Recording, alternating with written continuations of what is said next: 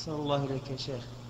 ما حكم ما يخرج من الإنسان بعد من بول بعد الاستنجاء بالماء هذا ناقض للوضوء ولكن يجب أن نعلم أن بعض الناس يكون معه وسواس. تجده يفكر. كل لا خرج شيء خرج شيء. وهذا لا, لا ينبغي. إن النبي صلى الله عليه وعلى آله وسلم قال حين سئل عن الرجل